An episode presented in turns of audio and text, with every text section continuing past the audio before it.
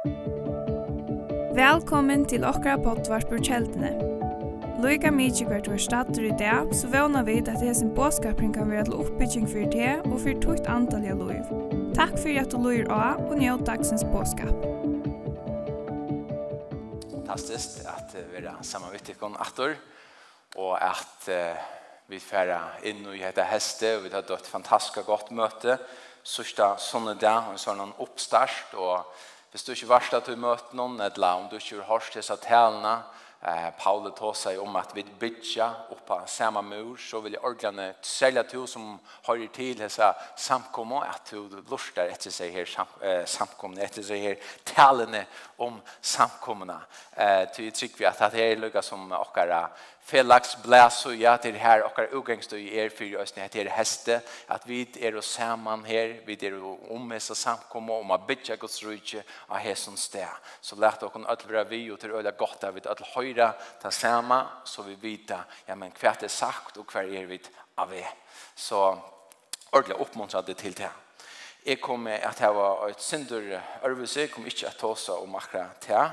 Jeg har sett jeg har strutt nekk i iveskriftene og i det at jeg har så rævlig nekk som jeg kunne jo også ha sagt, så vi får søtja hvert som kommer ut til endans.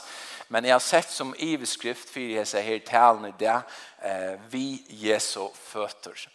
Og, og i halte Arne ferdig inn og til, så, så opplever jeg at eh, man kan säga nek om Jesu fötter vad han mäster så är det ju vi har det ur en halv säljon skriftstäje ur ur bibeln och vi har östen till som ett fundament ett lat slä or för bibelskolan som för och backa stotje nu om en gåan måna ehm men Arne för i Nöjtän så kunde ju bara huxa mig att några ting till. Jag vill leva och i några tojon här som tar er åter rak, eller imisk rak, eh, i, man kan säga innanför det kristna rättsnar. Det är då man nek nuch høyder, nek nuch uttrykk av kristna trunne som, som er, man kan säga, forma er rundan om okken, landen rundan om och men vi sier ikke at det øyne her i eh, fyrjon. Og när jag sånne hodtøk någon, er vi slett ikke kjent frem av Men hvis du först inn og hickar, ja, men kvart är det egentligen som du menar vi tar at du sier at du er hettast leie av en kristnum, eller hattast leie av en kristnum, så er det öliga nekva til som vi kan lukka som köra under höjd liberal Christianity, alltså frujur kristendomar. Og det er øyla ofta og i ansøkten vi tar møyra klassiska, konservativa kristendomen som vi standa för. Äck og jeg synder her på en tejkorna. Finns det lugga. Det er borstyrna. Ehm um, och så kött folk har det ordet konservativt så är det åh det är så konservativt så färd också slä av negativ och klanje. Men konservativt är er inte alltid negativt. Anketunna är er konservativt att det viktigaste som vi kan hålla fast vid. Ta det kommer till med andra Guds år och sannolikanir och i Guds år så är det öliga viktigt att vi är konservativ. Att vi inte flyter oss till Guds år hever några absolutter som stannar fast till alla tøyer Og han sier hvordan jeg høymeren flyter seg, og hvordan kjøtt han flyter seg, ja, men så vil jeg vite alltid standa vid han kletten som er Jesus Kristus. Han vikas ikke, han flytes ikke, lærdomeren, kunnskaperen om det som han vil oppenbere om seg selv, han tar brøytes ikke, det stender fast til evige tøyer. Og ut fra tøy barometeren, så kan man sige, vi tøyene, så kommer vi til å bli mer og mer konservativ ut fra Homsens perspektiv Tog heimren vil flyta seg, flyta seg, flyta seg, men vi kommer att standa vid det som vi alltid hava steg for. Vånande, tog vi suttje til rake, at er det nek som vilja flyta seg fra heson, og man lukkar som tidliga kristendomen inn i sin kultur, inn i det som passar øynon sjolvon. Akkurat som, ja, men nei, jeg vil leve på hendamaten. Hei, det her er kristen for meg. At vi vil bøyblene jo finnast det slag, men jeg tar ikke akkurat, men som vil jeg ikke hava og så framveis. Og til særligane mittelen til unge at vi suttja hetta, til unge som kanskje ikke blir en ordelig rådfest og finner lukka som eh, en, en største grunn, andalega, så er det øyla latt hvis unge populærer kristen eller akkurat fer omkra loja, men så fyllt man til han tog til populært, til moderna, til innu tøyna og så framvis. Tog er det å almindeliga eh, omrande at vi som samkomma, at vi er vertjen, og vi er vertja i hesson. Og nekva tog som vi boa, og oss med tids tog at dette er tid ikke kjenner dette, men det tog vi alle denne bruk for at bli var amint om avvis ting, og vertja iver okkara ungdom og ta som rørelse tog til er og i sørste enda noe som til er og to som, som, som avgjør at vi lette avvirke okken, hva vi lorte etter. Jeg var inne i Ahes her sørste sånne da, skulle vi være et andalit Nazaret, her som lukka som man er super skeptisk ut her Jesus kommer og så videre, eller skulle vi være et andalit Kapernaum, her som følte stå og boja i, og de tog og møten, og han gjør det under og tekin til jeg var nekker. Her var en atmosfär som var, som var vidla for løysa eh, salvelse til å grua og möta mennesken.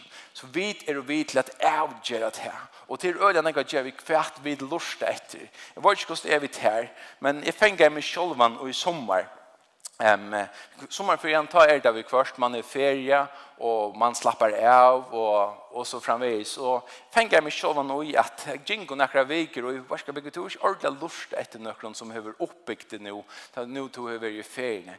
Og jeg bryr lika som tankane som er bryr var formast av ötlun mittel himmel gjør som Udvarsby og anna hei, är det er ikke gal gali at lust etter utvarsby, men det som du lustar etter, ta er ångsvekna kjemur og i tunna och og til ångsvekna så fyttel det innanifra.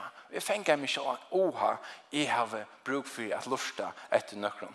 Så jeg før og lusta jeg etter nøkron møten fra Europakonferansen og, i, og i Uppsala, som var online og jeg er, Åh, så følte jeg bare, uff, ja, troar för jag hette hette her en och annet, hette bygger mig upp hette gjør meg trygg och så framvis och tog är det så områdende att vi apropå i det vi Jesu føtter, att vi sida vi Jesu føtter og lusta etter tog som han hever å si. Ongen gjør det som så fyrer okken. Vi må sjølve gjøre det. Teka hans gjør aktiv og stine.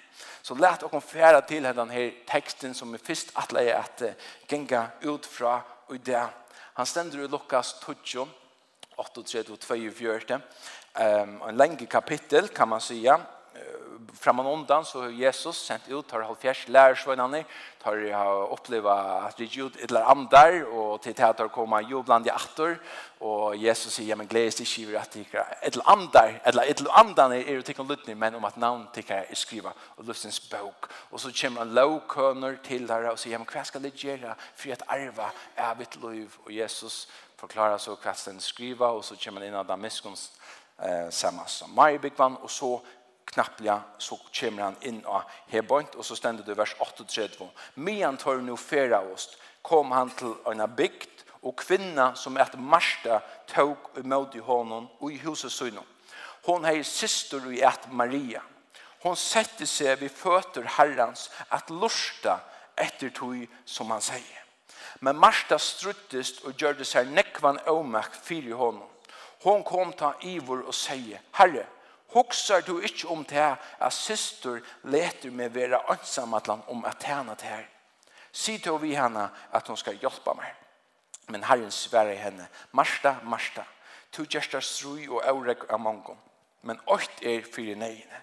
Maria hever valgt hinn gaua lot, og han skal ikkje vera fra henne tidsen. Så vi sykja Jesus, han kommer til en bygd, og til mest sannlig henda bygden er Betania, du det her som Marta og Maria og Bodgenja dømmen, Lazarus og Bygva. Og han kommer inn, og vidja der, og Marsta tekker motor, og systeren er øysni her, sykja vidt. Og vi sykja at Marta, hon råkast og stakast og så framvis, men Maria, hon tekker seg tog å sette seg nyer og lusta etter tog som han sier. Og at det er frustrerende for, for Marste. Jeg må si, Jesus, sørst du ikke at jeg stand jo og, og får jeg strøy av ødlån? Kan du ikke be henne hjelpe meg? Og Dals at hun sier at hun, altså, hun vil ha hjelp vi mætjer. Hun gjør det akkurat klart til Jesus. Hun vil det være blod i. Men Maria, hun setter seg og lurte. Og så er det, han sier det til men Marsta, Marsta, du gjør det strøy og aurek av mongon. Men åkt er fyr nøyene. Maria hever valgt hin gaua lot, og han skal ikkje vera fra henne tidsin. Vi vet ikkje akkurat fært ter gjørt og bont åren Jesus kommer inn. Stendur ikke, han kommer inn og marsjer til kremøtet. Det har sikkert vært gongt vi åt et eller annet. Tan det er nu, som ter noen av har gjørst, og tar i inn i Betania. Men man ser på en av veien at Maria, hon setter seg. Vi gjør når hun, hon för fra tog staten och tog kanske hus har hans uppgåvan som var han dagen och hon sätte sig vid fötterna fyra att lusta. Och ta så Marta blev irriterad när hetta, ja men så säger Jesus vi han så är det akkurat som så liten upp Maria. Han säger inte att hit var oviktigt till som hon gjorde. Det. Han fördömde han inte eller näka för det att hon rodde och stakade och allt det där förskälliga. Men han säger Maria hever valgt hinn gåa lot, og han skal ikke være fra henne tid. Og jeg vet ikke hos det vi tar og mer, men jeg tykker vi at det fleste av okkon kommer ganske lettere relatera til marst. Tog det er så døyligt å stakast og råkast, så så ser man alltid som blir husgjørorna og bilen vaskavår, og man ser nekka fysiskt urslit på styrtøy. Men jeg er sitta nere og lesa og godsårig, altså, altså, ah, jeg så ikke, men ikke ser at jeg har lyst lyser Guds år i det. Jo, vånande ser man det, hvis du gjør det kvann det, og til når lustfrukter kommer, andans frukter kommer, så gjør det ut der. Men det er ikke noe så løs, nei. Til, ah, ah ja, nå så ikke, han er lyst, han er ikke lyst, og så gjør. Nei, det er et urslitt, utørslitt urslitt vidt det praktiske. Men Jesus sier i Hebron, «Oit er fire neiene.» til det Maria har valgt henne gåa lot, og han skal ikke være fra henne tidsen. Og hikker man brått i Nudja Testamentet, så sørger vi til å sida vi fødsene av Jesus. Lærersvunner tar seg vi fødsene av Jesus. Paulus sier at han sier at vi føtter Gamaliels og ble lærdur opp. Vi sørger er at at folk kommer og legger seg av knæ framfor fødsene av Jesus. Det var tvei ting. For det første så var det et, et, om ivergivelse. Man ivergav seg til det. Og ta nasta til det at man lovar i hesen her morsdagen at avvirska løyve tja øyne. Og jeg tykker at det er nekka som er så holdt og fætlig tøyande og i eh, tøyene som vi lever og i at vi teka okkon tøy akkurat som Maria gjør det her på hon sette seg vi fötter herrans. Och nå må all tid som ikke har meldet det kan til bøybeskolen, ikke få ringa samvetskot til det ikke har gjort det av det sier til det. Det handlar ikke bare om bøybeskolen, men det her handlar om en luftstøyl. At man kan se at man daglig sätter seg vid Jesu føtter. Hur vi da har bruk for det dagliga avfädling. Akkurat som vi da har bruk for mäte til det tøymelige, så har vi bruk for andalige føje, från den det. Og Och jag vet ikke, hvis jag be folk rätt handen upp så det var färtliga nägg som hade sagt här på ah, ja, att det här vi till öl ofta hvis jag är ordentligt upptigen ja, men så är det att det här det första som ryker.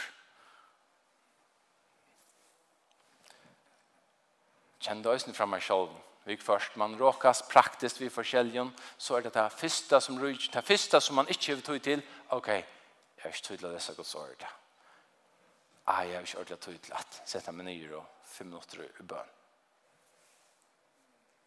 Det er kanskje en kjenner i atter, tog er det at jeg sier her til for jeg hjelper åkken øtlån. Læt jeg åkken ræfeste til her. Tog ta i vidt er opptidsen og i løyvnån, vi øtlån møljen, ta er her til at det viktigste som vi har bruk for til hetta som gjør og det er ikke som kan starta. Man kan säga det er ikke noen kjelda til andre litt liv än at vara sammen med Jesus. Det er ikke noen kjelda til andre litt liv än att vara sammen med Jesus. Om du er til bøn om du er til lovsanje eller om du sitter vid årene Jeg vet ikke hva for kjeldet tid bruker, men det var ikke amen til ånden ånder kjelda til andre litt liv enn å være sammen Jesus. Amen. Det er det øyneste som gjør dere nækka, som helder dere frusk oppe. Og, og jeg trykker, og ja, som vi det halt vi att omsätta den bok som kommer ut nu första nästa månad. Här är ett citat ur den och jag har dölt den ja, källde tar någon sort. Alltså Joakim Lundqvist som skriver seg bøtjene, han sier så det sånn «Ongen hever nekrande i haft, etla fer nekrande i at heva et størst livande samfella vi god, utan fyri at menna et sunt og godt samfella vi søgna bøybljå». At det er ja, kontant sagt, men at det er ikke minne satt for det. Ja Det er ångens nærværere til å vi herren, åttan og djøknen, hans er livande år som han er åpenbæra for djøkken. Jeg vet at Paulus sier herrest amen, til han er ganske størst samviskut, jeg vet at han er gav at høy til å si det i årene og så er. Men dette her må bli en rævfesting tja okken øtlån. En rævfesting, sier jeg. Ikke rævfestet derfra.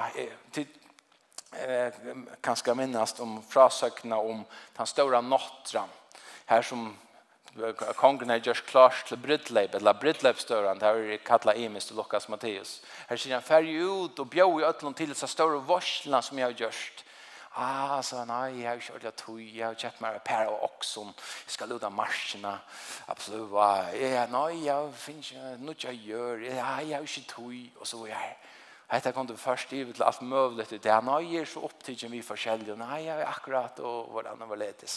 Så man sutja det atter i skriften i at omkyldningene tar er og nekver. Men det stått det av det lenge til det at jeg og to hava avbyrd av okker andalige løyve og hverjum vid fytla okker vi. Vant jeg ikke få noe ammen her, men det er. Halleluja. Halleluja. Jeg atleie at for vi skulle flytte okken iver i Anna Timotheus er bra.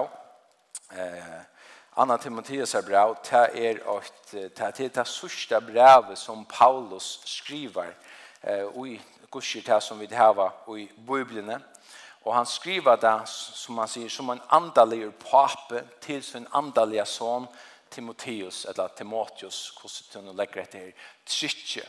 Og han skriver det eh og er sjøy trus eh etter Kristi føying. Han er ta apostelsøn endar ta er Paulus i fangsle i Rom.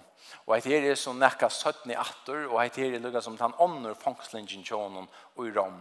Og så sitter han her i som fangslen og skriver til Timotheus. Og han og ut fra tog som han skriver i som braunen så sutja vi at han er tilvidav om at han ser at tog her er ikke nekka etter. Han var hva han har gjort, hva han har avrika for Guds rydje, og han var i det øyne hva for avløying til affær. Og det var nemlig til at han skulle tekast av døven, fire sutt versk. Men så skriver han en sørst og hølsan til sutt elskere baden og i andan Timotheus. Og ta du leser dette brevet, så er det veldig avhverst av suttja, man kan si, hvordan han oppmuntrer Timotheus ta som tvär tjänar, tvär attarlig. Och han uppmuntrar han nästa eh, pastoren som ska komma attan honom till. Det var det här som Timotheus var. Han var en pastor.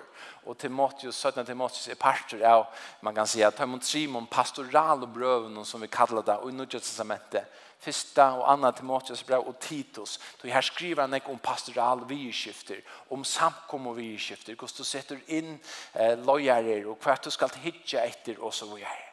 Men i hesten her så er han ikke vilja personlig vid Timoteus, Og han lukkar som avværer, nekka som gonger atter og gjøkken alle disse fyra kapitlene, eller gudskirta fyrst og trutje, til han avværer å lærerne om at ikkje vujtja fra tui høylnam og lærerne. Du måst halda fast. Apropos tui nu det at det er imisk rak. Halt fast vid det som du varst som er rett. Og jeg ætla jeg teka nøkker dømer ur hebbarnar her som han, hva han sier vi til Timoteus. Han sier med landa og i kapitel 8, vers 13 og 14, så sier han, hev til firmynd hine høylname år, og du har hørst av mer, og trygg og kærlega og i Kristi Jesus. Vær vod vi høyla i andan som i okkom bor, hin fagra skatt, og i tær er given og i hender. Det Paulus sier dette her, ta hava vi ikke Bibelen og på skrift. Hon kommer noen hundre år, en 300 år, 17. Men det som han sier her på, det er ut for det som ble skriften, det som han er finnet fra gode til Timoteus, til de samkomna som vil ta av døven, så sier han etter, hav til firemynd. Hva er en firemynd? Jo, til nekka som du hikker etter er du til akkurs mine lista folk eller akkurs det skulle, ja, men så hittar det etter nær mynd og så røyna det, ja, men at det skal være lykka som det det er nekka som du hikker og på som du skal etterlykka og han sier hva skal han heva til fyrir men jo, hine høylnæm og år Guds år, det som han har sagt det som, jeg, det som du har hørt av mer og i trygg og i og Kristi Jesu og hvordan skal han værvøyde det? Jo, han skal værvøyde det som en fakra skatt vi gjør med Norden, hette nekka holdt ølja dyra bært. Hette her er mer verst enn nekka som helst anna. Vær vår det som er given og i tunne henter. Hvor tog det hever vi motstøva. Det hever jo all opp. I neste kapittel så sier han i vers 15 Gjer her omak av vise det sjølvan fram som øyn og rønder er fire gode som arbeidsmann og i åndsje hever at skammast vi som lærer sannløksåret rett. Vi gjør noen, det var røst muligere å lære det skøft. Utan lær det rett. Takk alt Guds år. Takk ikke bare parster, så løsner at du kan ligge som smuja, tunne egne teologi som passer til tøyt liv og tunner omstøver. Men lær det rett. Og så damer man vel heter her vi at jeg ser omak a vise seg selv fram og en som er rønder for gode som arbeidsmann. Vi ikke hever at skammast vi. Så han viser seg selv tog det var det bruk for. Det var bruk for at onker vurste veien som har et møtsvær og møte tog rake som vær. Og det var det som Paulus gjør det alt fire at Timotheus skulle gjøre. Leser vi så i kapittel 3, til første versene, Her stendur så løsner. Men hetta skal du vita, Timotheus, at av sørste døven skulle komme torfører tøyer. Og det er snakket amen her.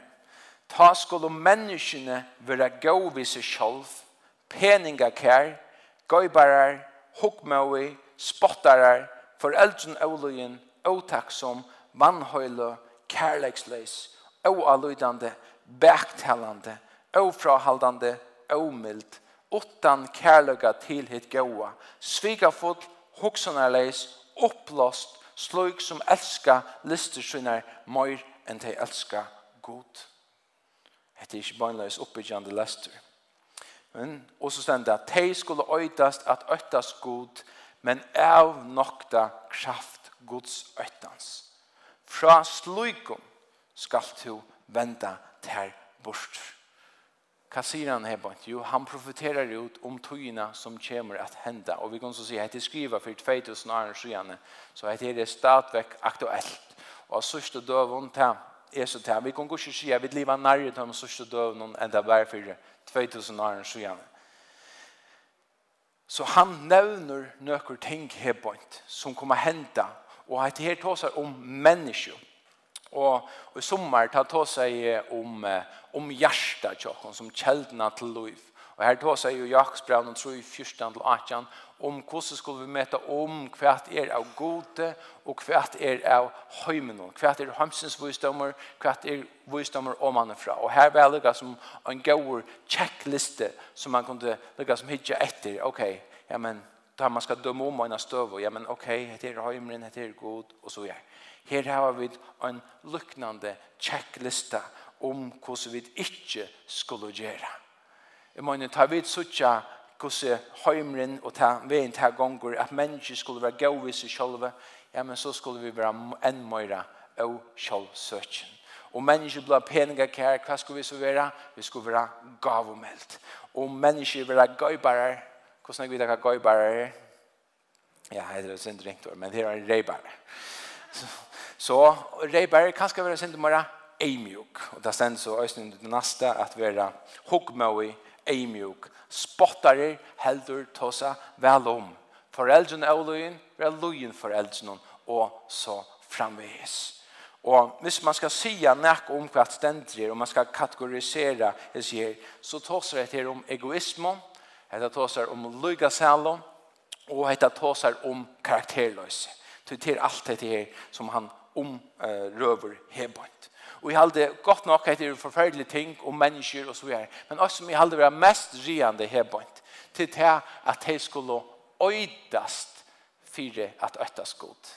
Akkurat som om, om at de spela som om jo, men jeg elsker Jesus. Jo, men jeg er jo en kristen. Men de er nok der kraft Guds øytans. Til ånden Guds øyte og i tørre løyve til det som han sier her. Og jeg husker jeg, da jeg også satt og fyrer om etter, om etter, jeg var sikkerne av løsningene til Tja Sigrun i sommar, jeg vet ikke om tid hardana, men hun var fantastisk gøy. Og med så her ljøsen i hebant.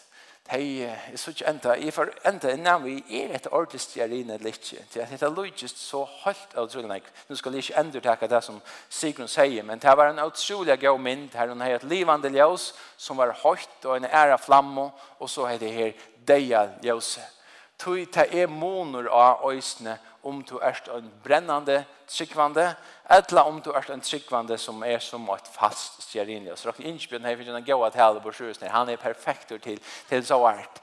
Men erst du, erst du et fast stjerinje, eller er det verligt? Tui, hvis du er et fast stjerinje, så kommer du aldri å sette eld i nekka som helst. Du, du måste bränna själv för att du kan slugga som täntra när annan.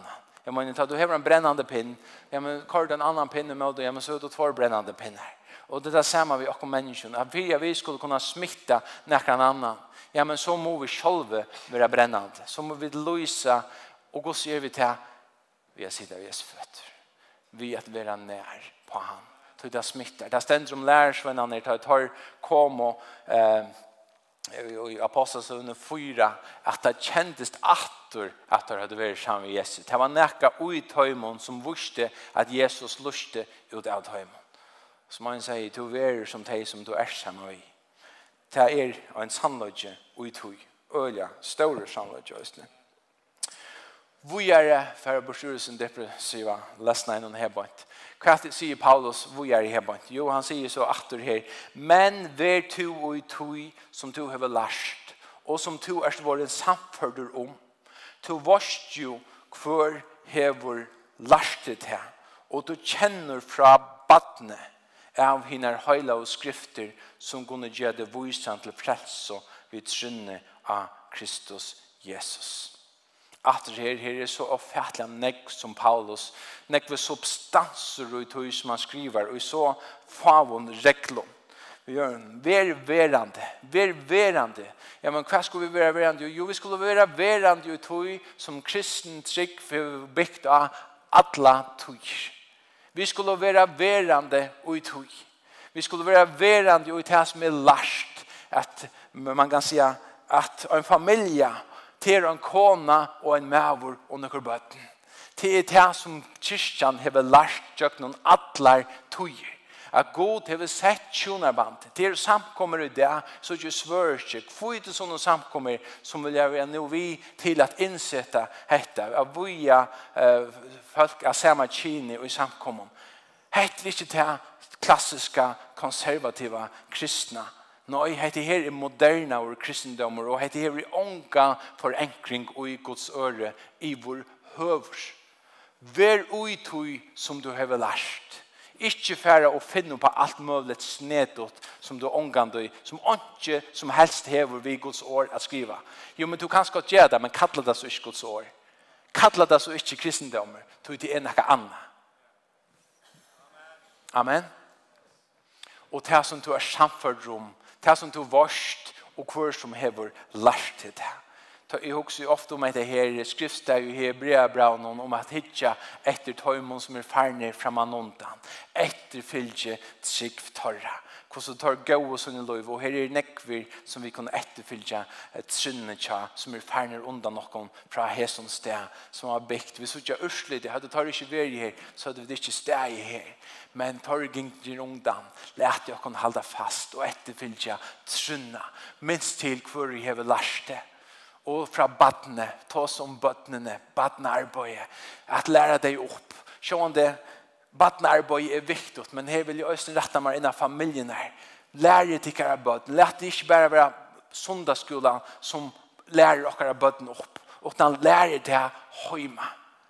Jeg kan si åt godt vi korona, i all korona vi gjør men det er til at vi finner tui og møvløyga a sida vi okkar bøtnum kvønn morgun og hava andakt, lesa et andaktstikje og lesa ur badnabøyblene kvønn den øynasta morgon og til en vene som vi nu hava hilde fast vi. Så kvønn den øynasta morgun, hvis vi ikke holdt okkar nir, så sida vi vi okkar bøtnum. Annika og Linnea, kjøtt, Jonar han gjer bare for tre, og Lutte Ingvar kjem kjøtt øysene, Vi sitter sammen, stedt løta og leser Guds ord, og så ber vi for det og så vi er.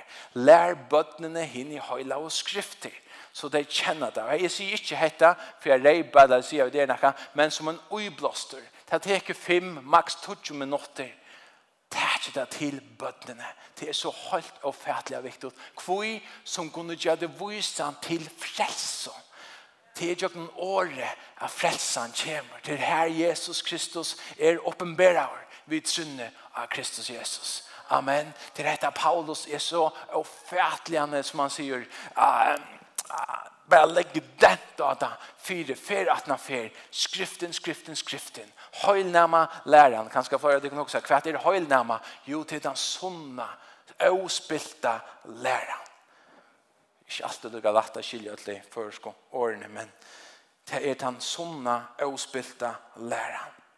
Og så, i det sørste kapitlet, så sier han så løsner, er vittne for gode og for Kristi Jesse, som skal døme livande og deg, og vi oppenbering og rujtje hans herre.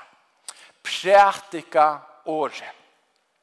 Ver ugen, ui tui og ui autui samför, refsa, amen, vi ötlån lengmøve och lærdømme. Tøy tant tøy skal koma, tøy det ikkje vilja vite av hinn i høylnam og læra. Men etter sin noen ekno liston, takka seg lærare og i håpa til alt, alt etter som det kittlar til i Och Og de skulle venda øyrene fra sannløkene og venda seg til avin tøys.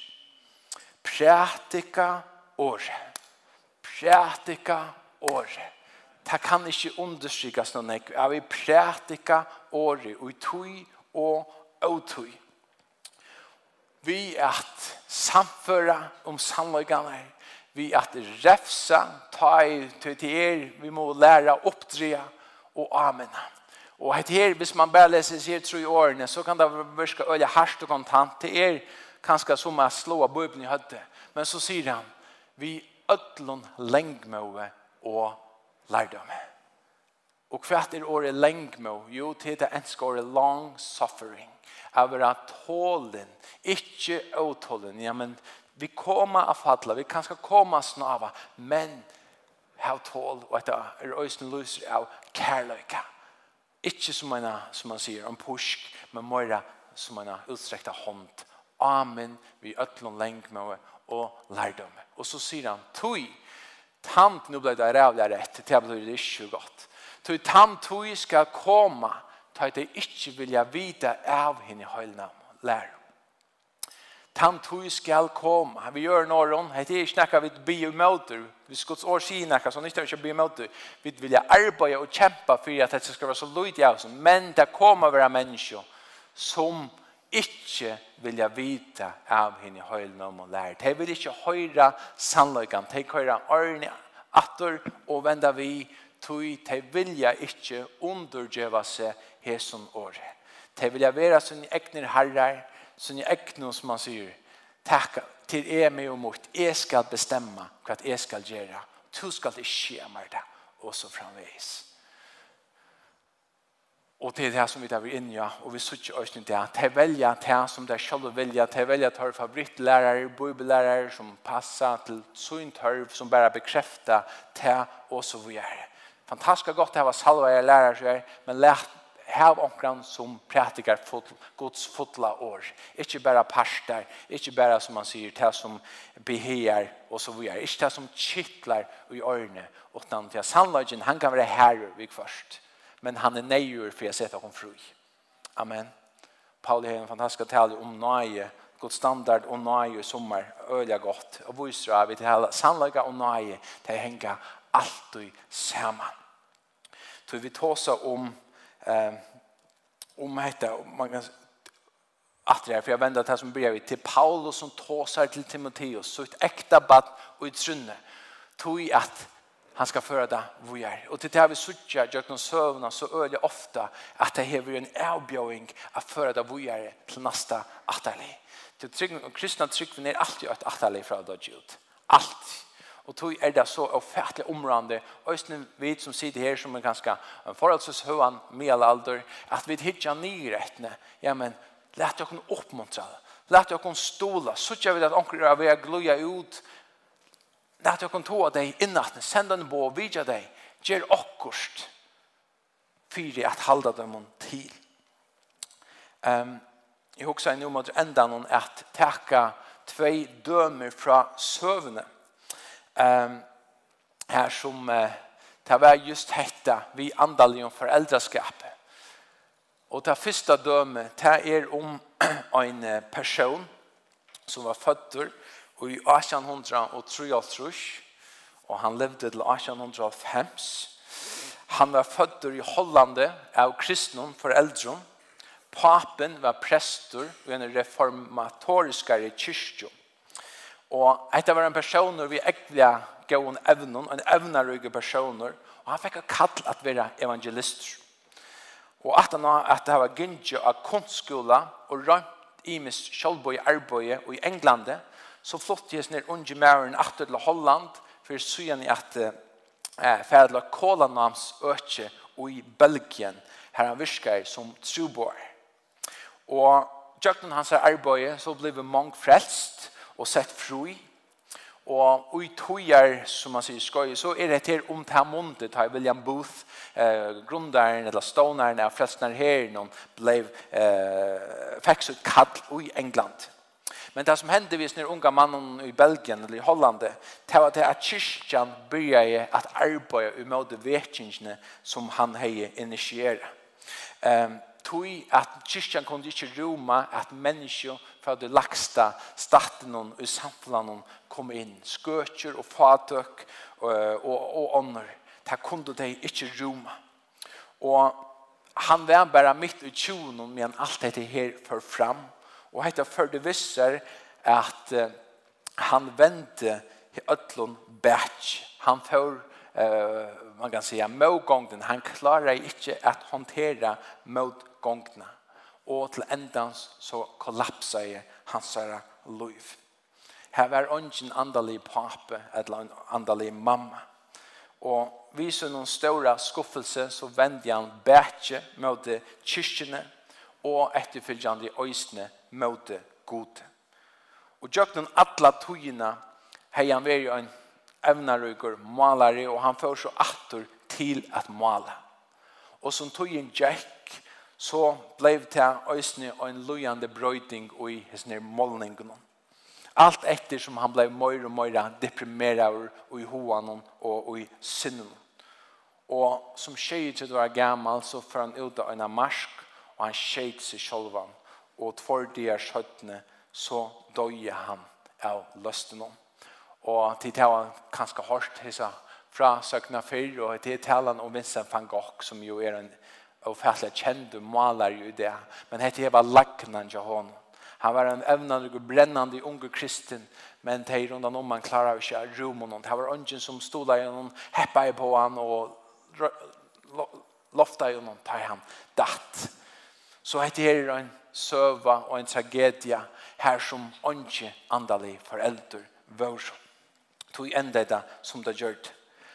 Men jeg atler ikke at vi skulle enda så kjett her av møten i dag, så jeg har tidlig et annet døme, og det er om hendene her mannen William Wilberforce. Og han ble født i, uh, som det sier, i Sejan Nuchalsrush, Og som 15 år gammal så blev han frelster av en møte til John Newton. Och John Newton eh, han var fyrvande kibare av en slav, en träla kibe kan man säga som silde träler över till Amerika. Och 25 år framan undan hetta så var han själv blivit frälstor. God møtte noen ombord av kiben av väg till Amerika. Og til han som med landet har skrivet henne her sangen Amazing Grace, som, vi, som er hamskjenter.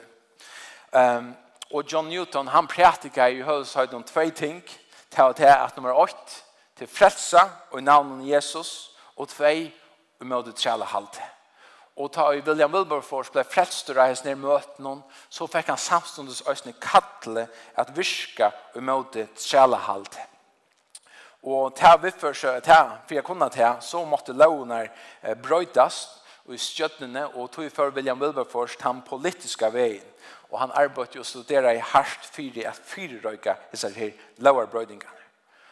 Og som 22 år gammel, så var han første finne valder inn i enska parlamentet, og han fire røyke i øyne tale og i 20 år, ikke 20 dier, eller 20 timer, men 20 år, og helt han oppa trutjar og en halvan tøyma fyrir lukka som han leipa av kvørst argument som var fire trælahald, men parlamentet etkvøtte og imot. Så år etter år, og i 18 år, røndi han og endelig etna i sted at stekka trælaflottningen til England. Nasta mål var så å sette atler træler og i enska eller bretska hamsvelden og imperien og frugjert. Og hette her tog så 24 år at rett vi bøn og vi høren arbeid. Og i 1833 så låg av bretska parlamentet at det var olovligt at hava bretskar eller hava träler i bretska imperium. Og 1,5 miljon mennesker blev fri över Atlanheimen. Og fyra dier søttene så døde han 44 år gammal. Låsangar kunne godt komme opp. det i måneden mittlen Vincent van Gogh og William Wilberforce. Jo, til til at William Wilberforce heier en andal en pappa. Og han er John Wesley, som har vidla stående metodismene. Og man kan si at William Wilberforce, han var i byrjan av løyven og kjassær, som andalige kristna løyve og tjenestene, som bare 15 år gammal medan John Wesley var i endan av sin løyve, og han hukte atra og sa, ja, men god gjenakka, god er fer vi røysa, og et nytt atali opp. Vi må hjelpa tøymon. Og John Wesley, han skriver i nekve brøv, og til William, og nekve av hans brøv, de er og varvøyt, och i en husen i London og i husen som som som John Wesley åtte som är ett museum i det. Så här kan man läsa om samtalen mellan William och och och och John Wesley. Och här är åtta av någon här sier han sådär når we William han har kanske haft det sånn där motstå akkurat ta så sier han sådär når man höjer bara akkurat som rötterna och i sånn här røyste unge William røyste attor Om god er vitt der, hver kan så være i imøte her? Han som er i tær er større enn han som er i høymen. Ikke er omøyelig for god. Først til at dere får så har brev, du ganske struer en kamp, ja, men så er det en som du sørst opp til, som er ikke undan, som sender dere under sånne halsen. Det er ikke liv, det er ikke kraft, og det er ikke møte at færre vujere. Og det det som er alle måneder med til Hesaboer. Og det det som Paulus, alle togene, sier vi Timoteus. Han halt fast vid lærerne, halt fast vid året. Gjør vi ikke opp. Og hver fast to styrkene det jo du farstarna vi er sida vi Jesu føtter. Til her to drev det, og to kanskje selv blir inspireret til at det er omkring som du må stretcha dig til, till Du Du kanske inte tankar om omkring bort nu men jeg vil si det här bort. Ja, oh, jag vill också vänta. Jeg kanske ska sända några uppmuntrande år. Om det så ikke er god så er det stadig oppmuntrande å få en hälsa. Amen. Jeg sier amen. Amen. Det var i klockan i nekv. Men skulle vi lette dere røyse dere opp? upp. Nu vi tåse om andaliga papar. Jag vet att klockan är her, Men jag känner herren. Han vill nacka mer. Ehm. Um, Da vi tar som andaliga påper, og andaliga mammer i røstene og fætliga viktige. Men jeg vil kjenne at jeg skal si noen ting vi mennene som er inne her i det. Tøy at vi lever og en tøy og en rake her til og fætliga noen talen om jaunstå mellom menn og kvinner ut i samfunnet. Og det kommer ganske nekka tog at i søvelige så har kvinnan, eh, som man sier, eh, veri for nekka årattendom, bare tog at hun er en kvinna. Og jeg tar ikke absolutt under vi at vi skulle virismette menn og kvinner purasta lojka ta det kjem til løn og seta når vi skifter og alt det til. Du skal ikke være måneder om du er maver eller en kvinna. Og til nek man kan ta seg om av hesten her økjennom og det er sånn kjøtt man sier nekka som er miskilt så jeg skal ikke være vojere av hesten her banan. Men ta det kjem til hva Guds år sier om mannen og konene så må vi ikke lete oss fære vi hesten her jaunstittelsraten ta det kjem til hva for roller vi har. Du til ekvelig grått at Bibelen sier at mævren er høtte. Mævren er høver kvinner. Og hvordan leser du Efesos 5 så handlar det ikke om en tørst en mann som puskar sina kone og bestemmer alt. Nei, det handlar om en mann som elskar sina kone og gjør seg fullt og holdt for henne akkurat som Kristus gav seg for samkomne. Men det som er vil vi øyne ned til det er at mævren er til andalige høtte og i familiene at vi menn, vi må takke arbeid for okkara familjen andalega. Jeg tykker at det ligger så nekk av Guds hjerte at vi menn røys okkon og takke arbeid av de andalega husene. Um, og jeg er, jeg tykker at nekk av tog vi suttja, vi suttja nekk ut i samfunnet der, og nekk vi tog at mennene er verlige, verre menn, så hadde det her tingene ikke hent. Og nu gjør vi ikke, som han sier, kone, patroner og bæsjene jeg sjød dette mannen og bare nå. Nei, kone, til må hjelpe til karamon. Jeg vet at dette her er et ent, men jeg tar så lykkene ikke til min sjølven som til tøyen som er med over her ute. Jeg vet er og vi, og takk og arbeid til at det kommer för de andliga och jag kan hus kvart vi är hukt efter noe? Hva nu bøttene bottnen hittet etter efter iPaden hon kvart för det läsna vi vill opp? hva de høyre og suttja og i høymen om. Og ikke minst er vi i øyne takka støv og ta det kommer til å komme sammen i bøn. Det er svart og bakvort. A family who prays together stays together. Og jeg vet at vi kanskje blir spurt opp, hvordan jeg kan komme bia sammen, så vet jeg at vi ikke nekker hent. Det er en verløk, og det er som det er. Men det er etter en dag i morgen. Det er etter en dag i åmorgen det som er vært pjøst ikke er mynda det som ligger for framme. Og jeg tykker at god gjør okko mån og nøye og styrke til at utføre det som vi er sett til å utføre. Men du sier, jeg kan ikke, jeg kan ikke, jeg kan ikke, konan som er i torget. Og skvært, skriften sier, mæren er høtte. Du kan stekke arbeid av hessen her, øksen for tøyner familie det er så helt, helt, helt og fætlig tøyende. Øysten til som sitter her ute og lurer takker det her til tøyen.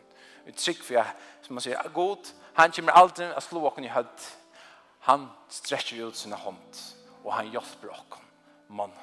Og så kan jeg også glede å løse at det er en mannslig i hest. Her vi kanskje kommer til oss om forskjellige sånne her ting. Jeg vet ikke, men lät jag kon tacka det till och kon vid män apropå vill jag ta som andliga papper nu vi så och här på Paulus, så och John Wesley. Vi ser ju at vi skulle mäta kon så högt men vi kunde bruka det som en affirmament Amen.